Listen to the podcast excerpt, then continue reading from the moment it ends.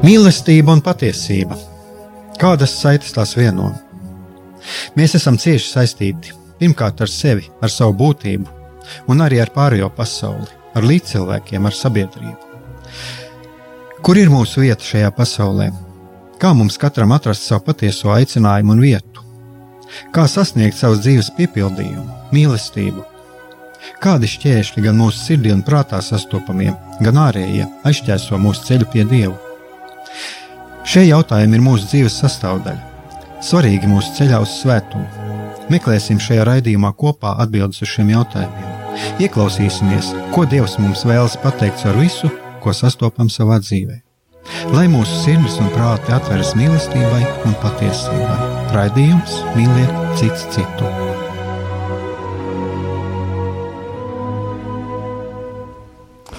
Esiet sveicināti, darbie radioklausītāji, lai top slavēts Jēzus Kristus. Šis ir raidījums Mīlēts cits citu. Studijā esmu es Aigās Brikmanis, un šodien es eh, turpināšu tēmu, kuru es esmu sācis jau, nu, jau kādus divus raidījumus, un tas ir gavēņa laiks. Un kā jūs atceraties, es iepriekšējā raidījumā minēju, ka šis laiks man tāds vairāk vai mazāk ir, šis mans gavēnis ir veltīts tādai tēmai kā brīvība, un Jūs atceraties, arī es pagājušajā raidījumā ieminējos par to, ka mums ir pieņemts tradicionāli atteikties, atteikties, uh, samazināt ēšanu, samazināt televīziju un tā tālāk, bet arī es uh, runāju par to, ka mums ir jābūt, kā, jābūt ir piesardzīgiem, uh, jo mēs, nu, Dievs arī nevēlas būt mazohisti, lai mēs būtu kā mazohisti pret sevi, un lai šis gavēņa laiks būtu kaut kas tāds, kurš uh, mums palīdz satikt Dievu, uh, lai šis gavēņa laiks nav kaut kas tāds, kas, mum, kas mūs nomāc, kas padara grūtsirdīgus un kas, jā, un kas mūs attālina arī no Dieva un kas mums patiesībā var traucēt satikt Dievu. Jo, ja mēs iedomājamies, piemēram, mm, es esmu no kaut kā atteicies, bet uh, es visa mana uzmanība ir vērsta tikai uz to, šis jautājums mani nomoka, ka es uh, varu nesaklausīt sevi kaut ko citu, ko Dievs man vēlas pateikt. Ja, tā tad es ceru, ka sapratāt manu domu. Tātad uh šīs Eh, gavēnis katrā ziņā nav kaut kas tāds, kur mēs sevi nomokam, un eh, kur gala rezultātā mēs no, pēc gavēņa varam iznākt uh, daudz nogurušāki, neapmierinātāki nekā pirms tam. Bet patiesībā vajadzētu būt tā, ka mēs gavēnī kaut ko iegūstam, iegūstam kaut kādu stiprinājumu. Šodienas tēma Es jau to pirms kāda laika, man pirms kādām dienām ienāca prātā, par ko varētu šodien tā es varētu padalīties, un es domāju, ka ir arī ļoti vērtīga tēma, tas ir dzīvot savu dzīvi. Jo mēs bieži vien nedzīvojam savu dzīvi, bet mēs dzīvojam ļoti daudz iespaidojoties no uh, dažādiem apkārtējiem uh, pasaulē valdošajiem trokšņiem, no tiem trokšņiem, ko mēs esam dzirdējuši, ko mēs joprojām dzirdam. Ir, mums ir apkārt dažādas reklāmas, uh, dažādi kārdinājumi, dažādi cilvēku ieteikumi. Un, uh, dažādas vēlmes, Un mēs uh, bieži vien šajos apkārtējos trokšņos, sauksim to par trokšņiem, mēs nesaklausām, kas tad ir mūsu patiesā dzīve, uh, kas tad ir šis mūsu patiesais aicinājums un ko mums galu galā vēlas pateikt Dievs. Un uh, tad, kad es šodien izlasīju mūsu šodienas uh, svēto rakstu lasījumu, es domāju, jūs arī uh, dzirdējāt, te pirms dažām minūtēm bija. Eh, un tad, kad es šo, šorīt izlasīju, man šķiet, ka savā ziņā pats Dievs ir piespēlējis mm, ievadu šodienas tēmai. Tātad Jēzus iet uz Jeruzalemi, paģēmis 12 mācekļus līdzi, un viņš stāsta, kā tiks nodots augstajiem priesteriem un rakstu zinātājiem, un viņš stāsta par savām, par savām ciešanām. Tas, tā ir viena šāda, viens šāds aspekts šodienas tēmai. Un otrs ir Zebedeja dēlu māte, kur Zebedeja dēla māte ar saviem dēliem nometās zemē un kaut ko lūdza no Jēzus. Un, un Jēzus jautā, ko tu vēlies, un viņa atbildēja, saki, lai šie divi mani dēli sēdētu tavā valstībā, viens uh, labajā un otrs kreisajā pusē. Uh, un uzreiz var rasties jautājums, uh, kāpēc, uh, kāpēc šeit ir, kā es teicu, dzīvot savu dzīvi, uh, kāda tam ir saistība. Es dzīvoju savu dzīvi. Uh, es daudz esmu pārdomājis, kādreiz jau kopš uh, jau saviem jaunības gadiem, kad es vispār kļuvu par kristieti, uh, Daudzas tēmas, kas tiek apgaismotas svētajos rakstos, viņas man ir bijušas noslēpums, un uh, viņas ir ar, vēl joprojām ir noslēpums.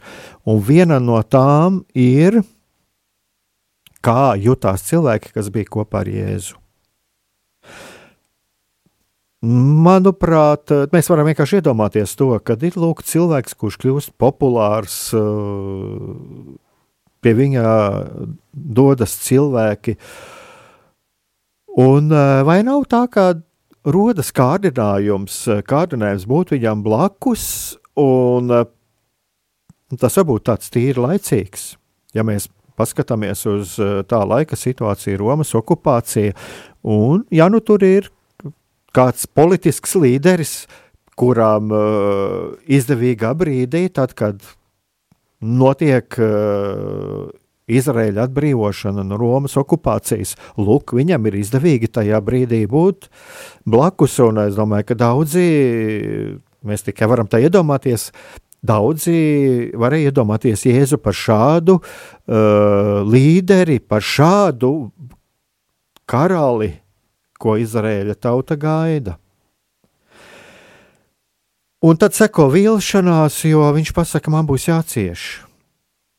Es domāju, tā ir tāds, tāds viens aspekts, uz ko mēs varam paskatīties, un kas ir eh, arī, eh, manuprāt, eh, ļoti cieši saistīts ar mūsu dzīvi, ar mūsu vēlmēm un ar mūsu vēlmi dzīvot pašiem savu dzīvi, un kas tad patiesībā, ko tad Dievs vēlās, lai mēs savā dzīvē dzīvotu. Un otrs, eh, otra lieta, ar kuru es patiesībā gribētu sākt, tas ir Zebedē dēla māte. Jo Zebedē dēlu māte izsaka Jēzum vēlēšanos. Es vēlos, lai mani dēli sēdētu tev labajā un kreisajā pusē tavā valstībā. Un, eh, lūk, tā Ļoti interesanti. Tavā valstībā sēdēt labajā un kreisajā pusē, un to izsaka Zebedeja māte. Tā tad dēlu māte.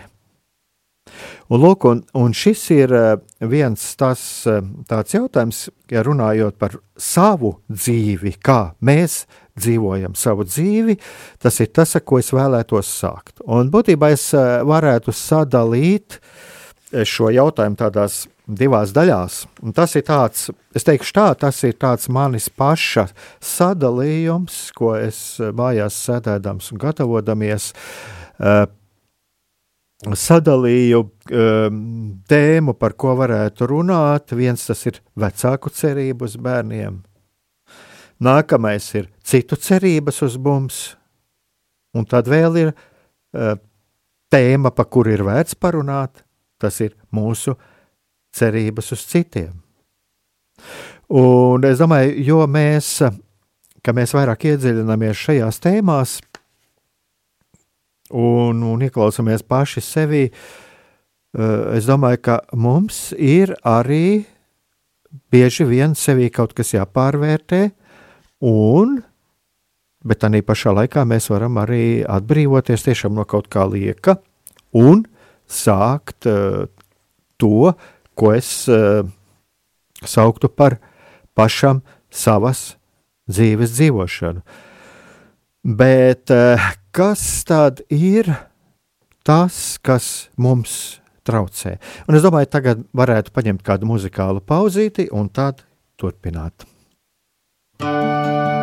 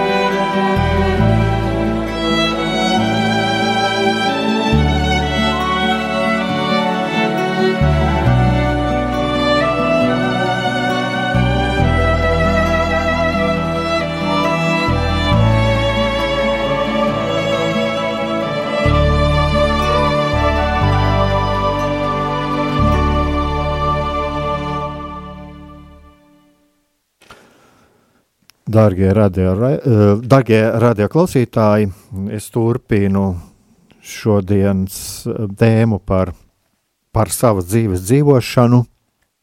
Un es vēl, vēlreiz vēlos atgādināt, savā ziņā tās ir tādas manas uh, pārdomas un tādas individuālas pārdomas par gavēņa laiku, Un, uh, es domāju, ka gavēņa laiks var būt uh, arī tas laiks, kurā mēs uh, sastopam to, uz ko Dievs mūs aicina savā dzīvē. Un uh, vairāk vai mazāk mums, mums katram tas ir vajadzīgs. Un uh, šeit, tātad pēc muzikālās pauzes, es ieminējos par uh, Zebedeja dēliem, par Zebedeja dēlu māti.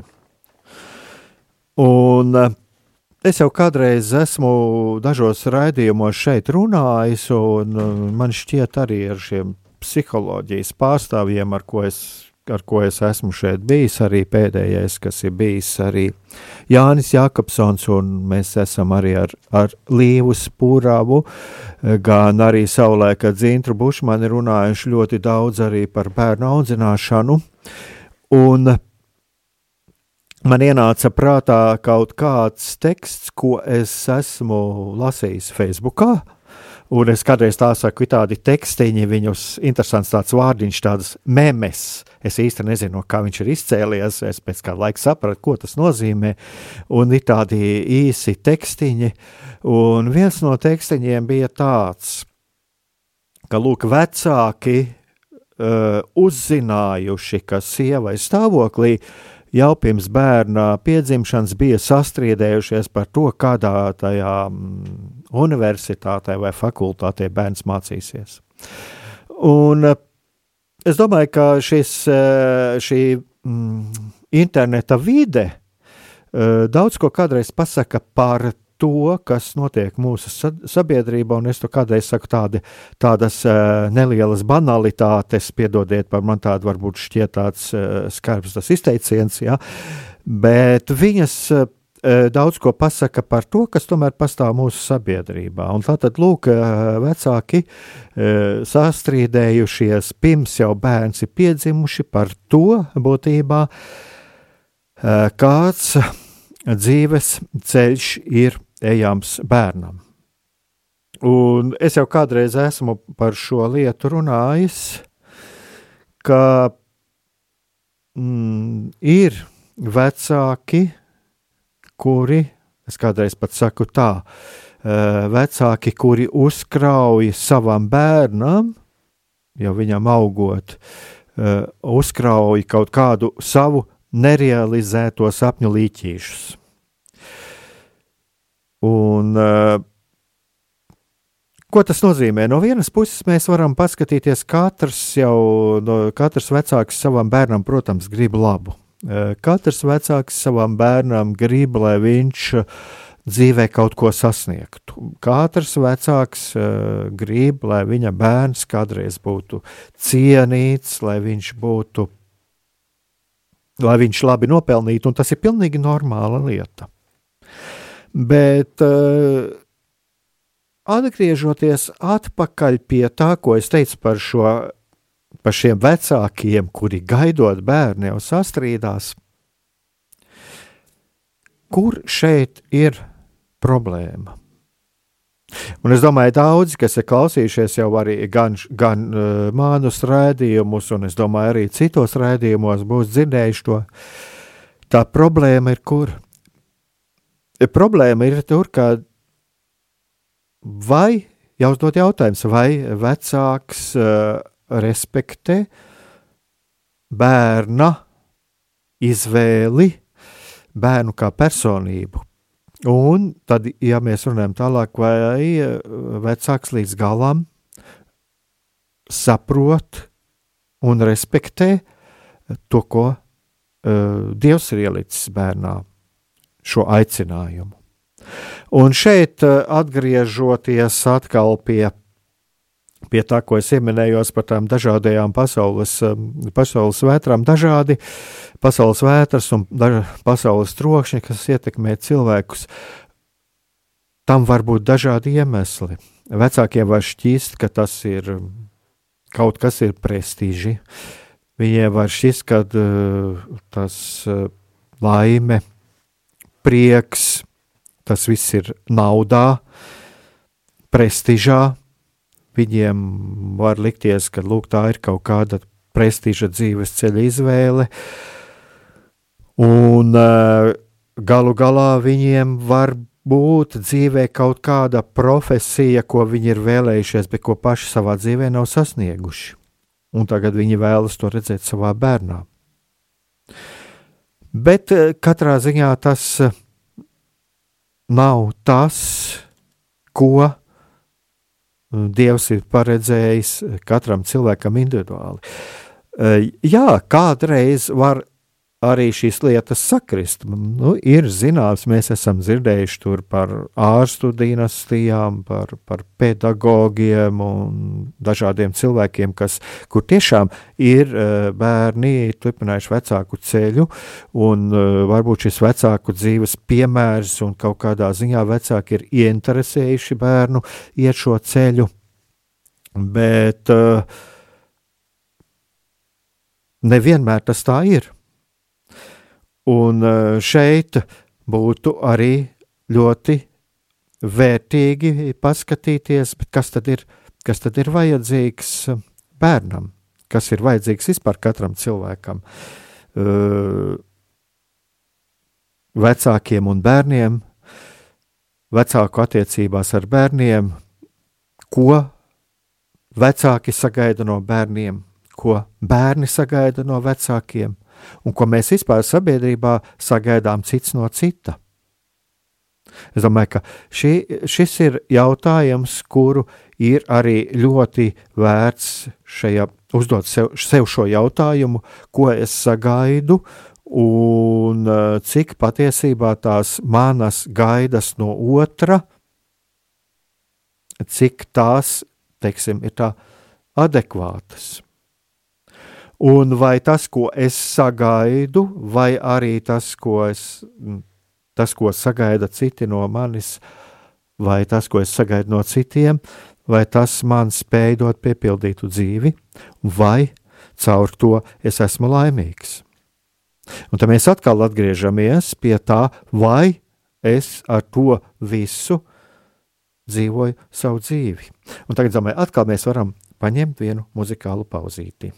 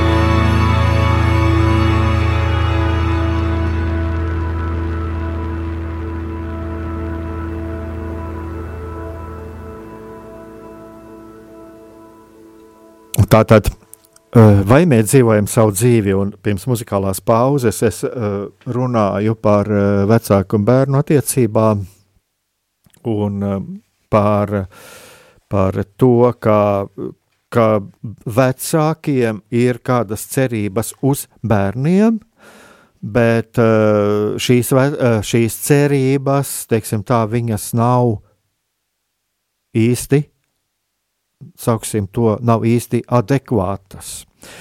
Jo uh, ir jāuzdod šis jautājums, vai tas, ko uh, vecāks vēlas ieraudzīt savā bērnā, ir tas, kas atbilst patiesajam bērna aicinājumam, vai tas atbilst viņa būtībai.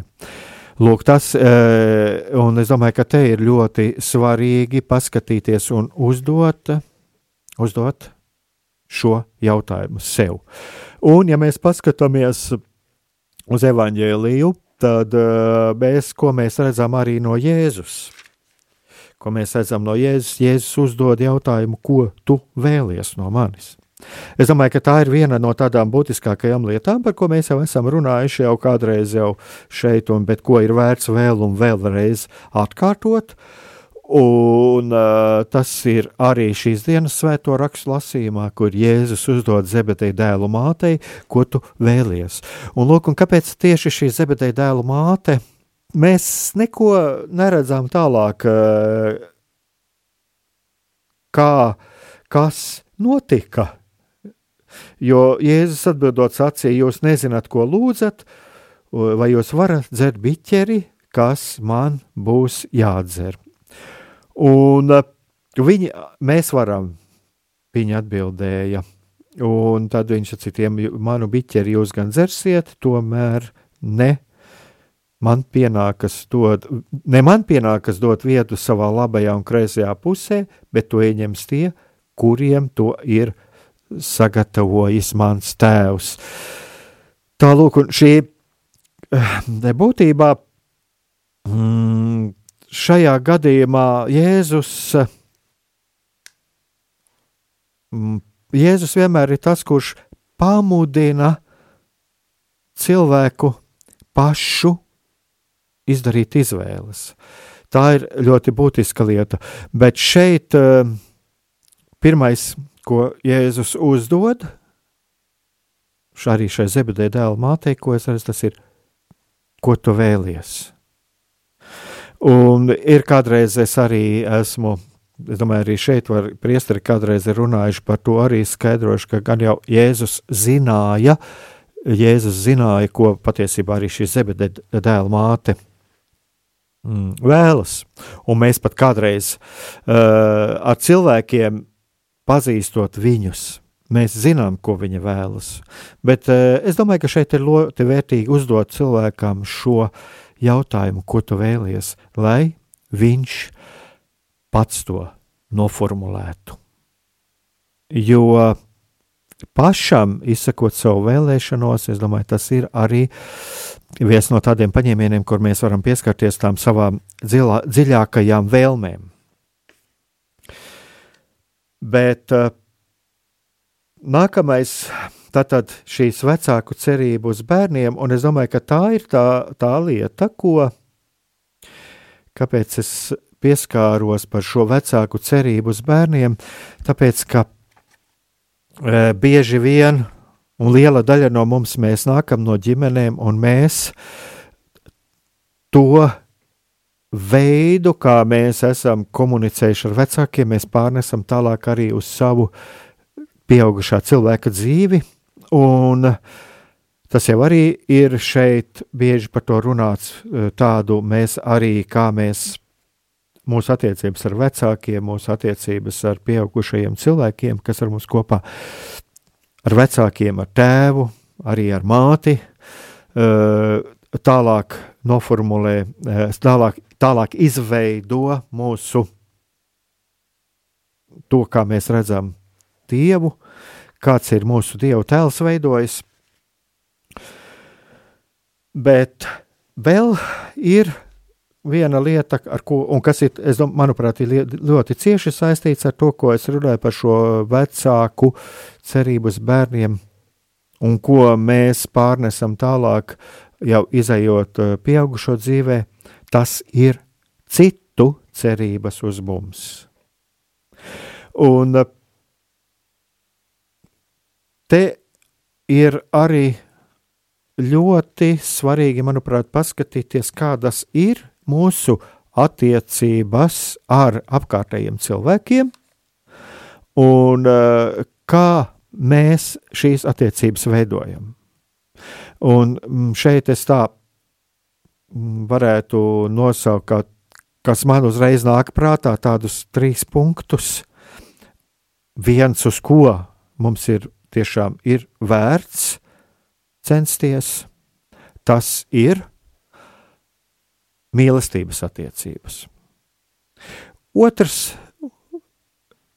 kas eh, tas ir tas augstākais, tātad šīs patiesās mīlestības attiecības, bet var būt arī cita veida attiecības, un kāpēc tas ir tāds Es nolieku trīs punktus, eh, sadalu trīs daļās, eh, vai trīs attiecību veidus, pareizāk sakot.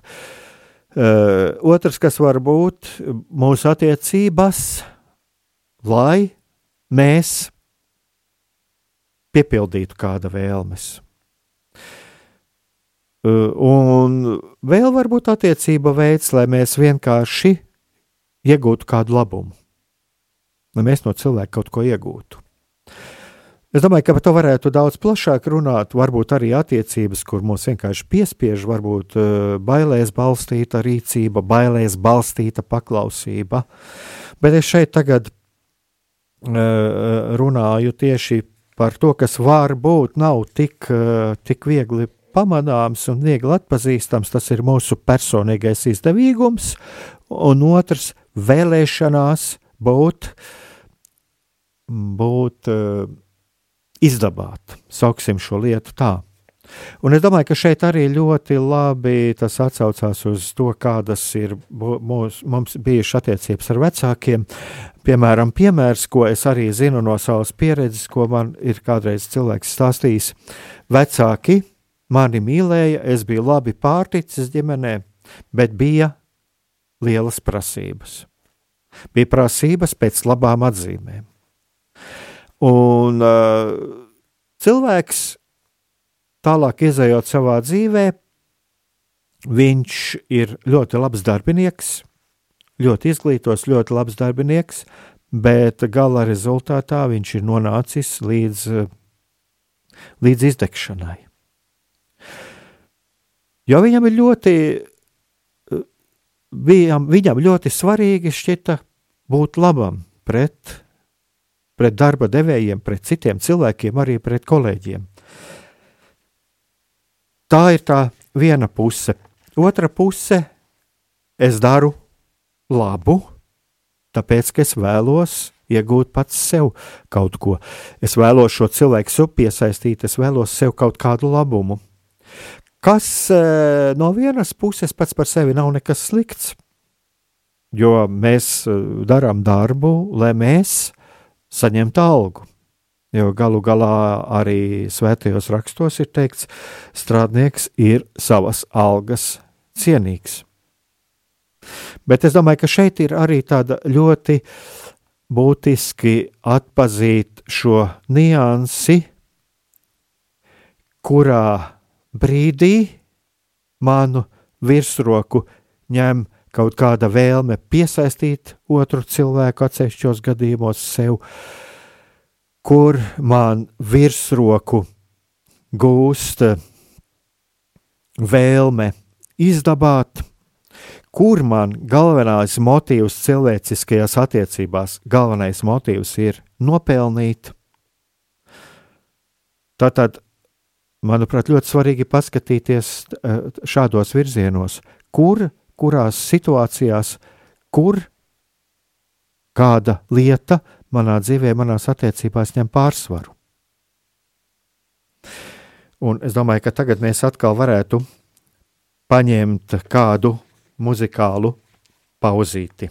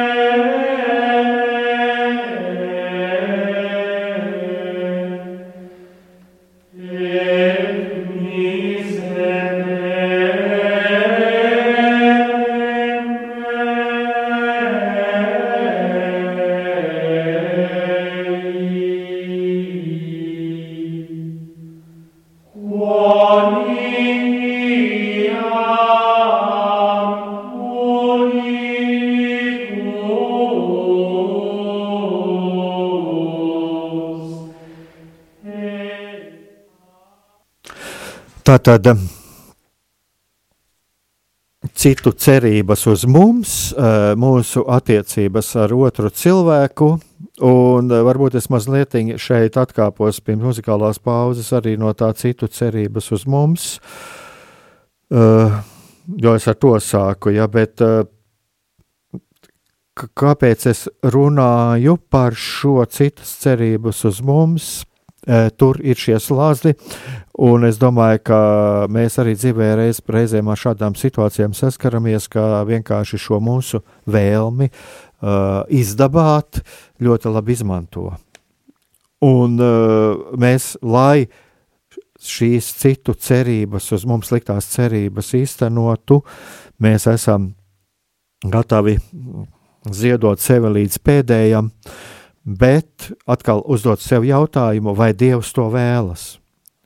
Vai Dievs tiešām vēlas, lai mēs uh, īstenojot citu cerības, bet es teikšu, izdabājot citu cerībām, lai mēs pazaudējam paši sevi, pazaudējam attiecības ar savu ģimeni, attiecības paši ar sevi, un varbūt kaut kur ir jau pārkāpt šī robeža mūsu mīlestībai pašiem pret sevi.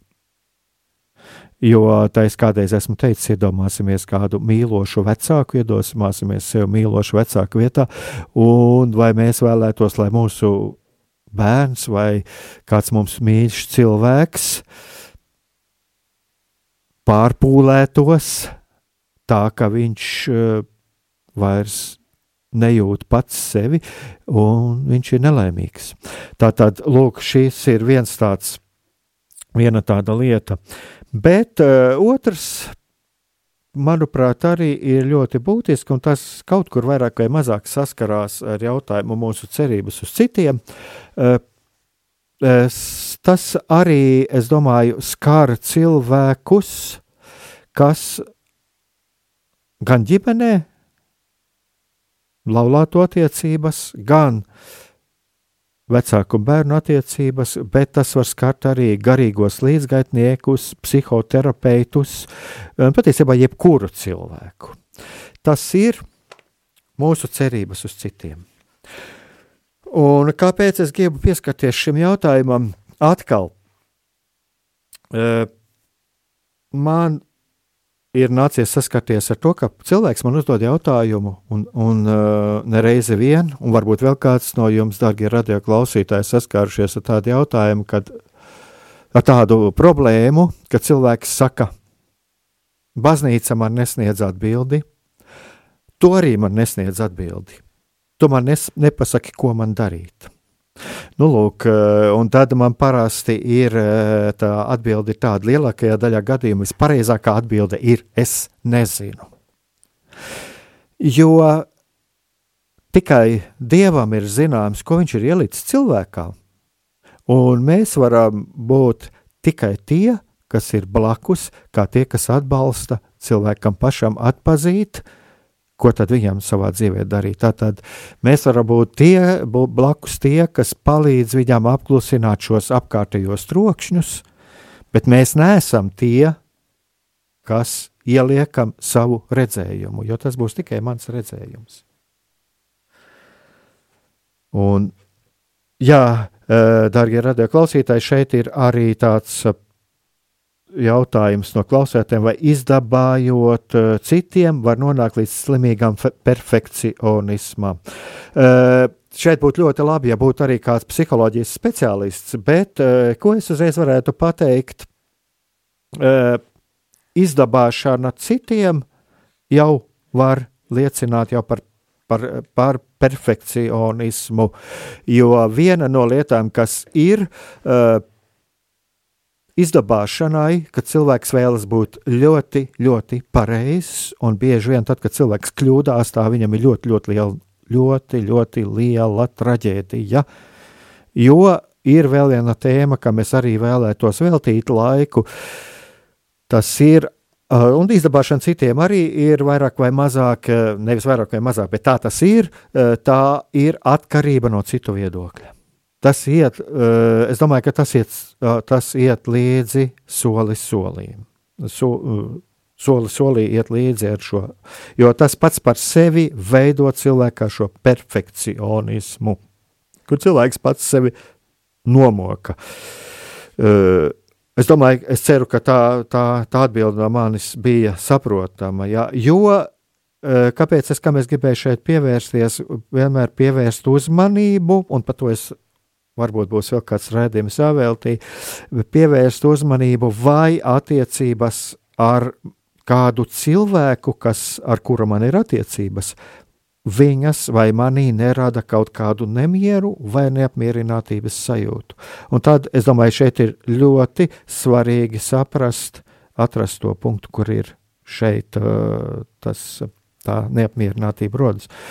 Un es ceru, kādreiz, kad būs vai Jānis Jākapsons vai vēl kāds no psihologiem arī par šo lietu, es redzu, ka ir vērts parunāt par šo. Ceru, ka uh, atbildi sniedzu kādu. Bet eh, tagad atgriežoties pie, pie, pie tēmas par, par mūsu cerībām vai mūsu gaidas no citiem, eh, kas ir mm, arī ļoti svarīgi, tātad mūsu cerības uz citiem. Es jau runāju par vecākiem, bet tas ir tāpat attiecās jebkurās cilvēciskās attiecībās. Mēs pēc būtības, un tas ir labi, mūsos ir ielikta vēlēšanās darīt labu citiem, mūsos ir vēlēšanās, lai citiem būtu labi, un mūsos ir ielikta vēlēšanās, veselīga vēlēšanās, lai citi izdara pareizās izvēles. Bet ko darīt tādā gadījumā, ja cilvēks iet savu ceļu? Un no vienas puses es jau runāju par to dabīgo, kas cilvēkā ir ielikts, un es ceru, ka man izdosies arī raidījumā noslēgt ar to. Uh, cilvēkā tad arī ielikta šīs dabīgās vēlmes. Un lūk, kāpēc var traucēt mums šīs mūsu vēlmes un mūsu gaidas no citiem.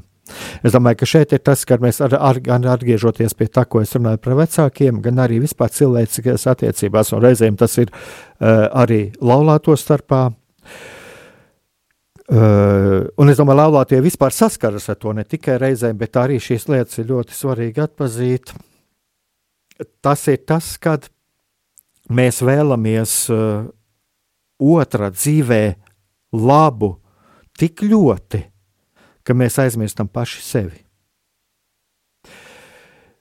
Un eh, šeit es, es domāju, ka atkal visvieglāk ir runāt par vecākiem, kaut kādas viņu neīstenotās ilgas, bet es domāju, ka, un, un es esmu saskāries arī baznīcas vidē ar to pašu, un es domāju, ka mēs arī reiz par reizēm viens uh, pieķeram paši sevi pie tā, Mēs tik ļoti, ļoti vēlamies otram labu, un mēs tik ļoti, ļoti vēlamies, lai otrs arī iet šos labos ceļus, izdarīt labās izvēles, lai viņš arī negrēkotu, ka mēs eh, sākam pārdzīvot otru cilvēku par otru cilvēku izvēlēm, un mēs vairs nedzīvojam paši savu, paši savu dzīvi. Un es atkal domāju, šeit ir atkal ļoti vērts, ļoti vērtīgi ir paskatīties, kā Jēzus darīja attiecībās ar cilvēkiem. Sākot ar sievieti, kas bija pieķerta laulības pārkāpšanā, kurai viņš teica, ej, un vairs negrēko, un beidzot arī ar visiem farizējiem un rakstu zinātājiem, viņš pateica savu, viņš pateica savu viedokli, bet viņš tālāk nejaucās viņa dzīvē, viņš ļāva izdarīt viņam viņu pašu izvēli. Tātad eh, viņš dzīvoja savu dzīvi. Un te mēs atkal varam atgriezties mazliet arī, arī pie šī perfekcionisma. Tādajā es esmu ar kādu cilvēku, un es viņam arī garīgi palīdzu, vai, vai tas ir ģimenē, vai kur. Ja manī ir kaut kāds nemieris, un ieklausīties varbūt arī pašam sevi, vai es jūtos apmierināts šajās attiecībās. Un varbūt es esmu ieņēmis šajās attiecībās to vietu, kur jau paliek vieta darboties tikai dievam.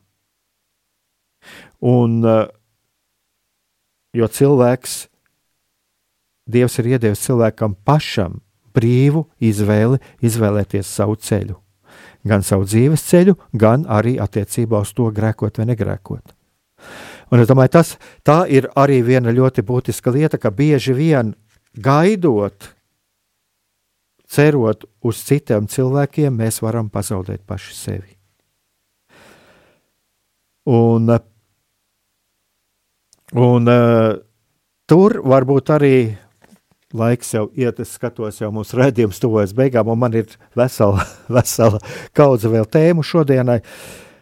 Bet šķiet, es šodien vēl nebūšu nepaspējuši pateikt visu, ko es biju gribējis pateikt, eh, bet mūsu cerības uz citiem var gadīties.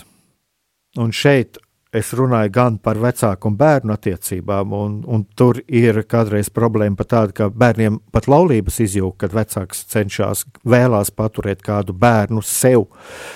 Bet eh, tas var attiekties arī uz citu, var attiekties arī uz kopienām, baznīcā, uz cilvēku savstarpējām attiecībām. Es gribu vienu frāzi tādu, es atceros, internetā es lasīju tādu: Ja vīrietis mīl sievieti, viņš darīs visu, lai viņu paturētu. Un, eh, Atkal no tām, ko, ko, mēs, ko, ko mums nākas lasīt internetā, eh, un šeit nebija runa arī teiksim, par laulāto attiecībām, bet vispār par vīriešu un sieviešu attiecībām. Un, un šeit ir apakšā viens, manuprāt, viens ļoti liels risks. Darīšu visu, lai viņi paturētu. Nu, man, man tur ļoti, ļoti, ļoti, ļoti izklausās, ka tur apakšā var būt arī kaut kāda emocionāla vardarbība un kaut kāda vēlēšanās darīt visu, lai cilvēks to piesaistītu. Neveselīgas attiecības. Uh, Un, eh, tāpēc es domāju, ka arī šīs mūsu cerības uz citiem, ar ko es gribētu šo raidījumu šodien noslēgt, cerams, darbie radioklausītāji, ka kaut ko no manis teiktā, kaut kas varbūt, varbūt jūs uzrunāja, un es atkal vēlos atgādināt, tāpat kā iepriekšējā raidījumā, uh, Šīs ir manis paša personīgās pārdomas, kuras ir balstītas manis paša personīgajā pieredzē, protams, arī tajā, ko es esmu lasījis, bet tā ir mana personīgā pieredze, kas, kam ir nācies pašam iet cauri, gan arī runājot ar citiem cilvēkiem. Es cerēju, ka, ka kaut kas no manis teiktā būs jūs uzrunājis, Bet eh, ar ko es gribētu noslēgt šo raidījumu? Kā es jau runāju par šiem veidiem, ko es pieminējos par šiem mīlestību, tātad šīm īstajām mīlestības attiecībām un tām attiecībām, kurām varbūt apakšā kaut kādas vēlmes nopelnīt, eh, piesaistīt vai izdabāt. Es vēlētos uh, attiecībā uz citiem cilvēkiem novēlēt šīs īstās, patiesās mīlestības attiecības. Un kas ir vis, visīstākās un patiesās mīlestības attiecības? Tas ir tas, ja es izbaudu prieku par cita cilvēka laimi, par cita cilvēka izvēli, ko viņš pats ir izvēlējies, to, ko, ko, jā, ko viņā Dievs ir ielicis, tātad par šī cita cilvēka laimi, par viņa paša izvēli, par to, ka cilvēks dzīvo savu pilnvērtīgu dzīvi, ka viņš ir laimīgs, lai kurā pasaules nostūrī viņš atrastos. Es domāju, ka tas ir tā viskaistākais, ko mēs varam novēlēt otram cilvēkam, gan vecāki saviem bērniem, arī, vec, arī bērni saviem vecākiem. Gan eh, jebkuram mums vislielākā brīvība, kas var būt, mēs esam laimīgi redzot laimīgu un brīvu otru. Un šeit es vēlos atgriezties arī pie šīs brīnišķīgās svētā Augustīna teiktās frāzes: mīli un dari, ko gribi. Jo vairāk es mīlu, jo vairāk es esmu iemīlējis sevi, pieņēmis sevi, iemīlējis otru, jo es esmu brīvāks no neveselīgām attiecībām, no neveselīgām piesaistēm, un es ļauju Dievam darboties sevī, un es esmu šis Dieva instruments attiecībās ar citiem, un es dodu vaļu Dievam darboties otra cilvēka dzīvē. Darbie radio klausītāji, lai mums visiem izdodas piedzīvot šo prieku, ko mēs redzam, ko mēs piedzīvojam, redzot apkārt to prieku, ko piedzīvo citi cilvēki, sekojot savam aicinājumam un dzīvojot savu pilnvērtīgo dzīvi. Un es nākamajā raidījumā turpināšu, diemžēl man tik daudz šeit ir sakrājies, ka es pat nepaspēju pieskarties dažiem jautājumiem, ko es tiešām gribēju, gribēju parunāt, bet tas, lai paliek nākamajam raidījumam, lai mums, lai mums tiešām izdodas piedzīvot šo patiesās mīlestības attiecības. Līdz nākamajai reizei!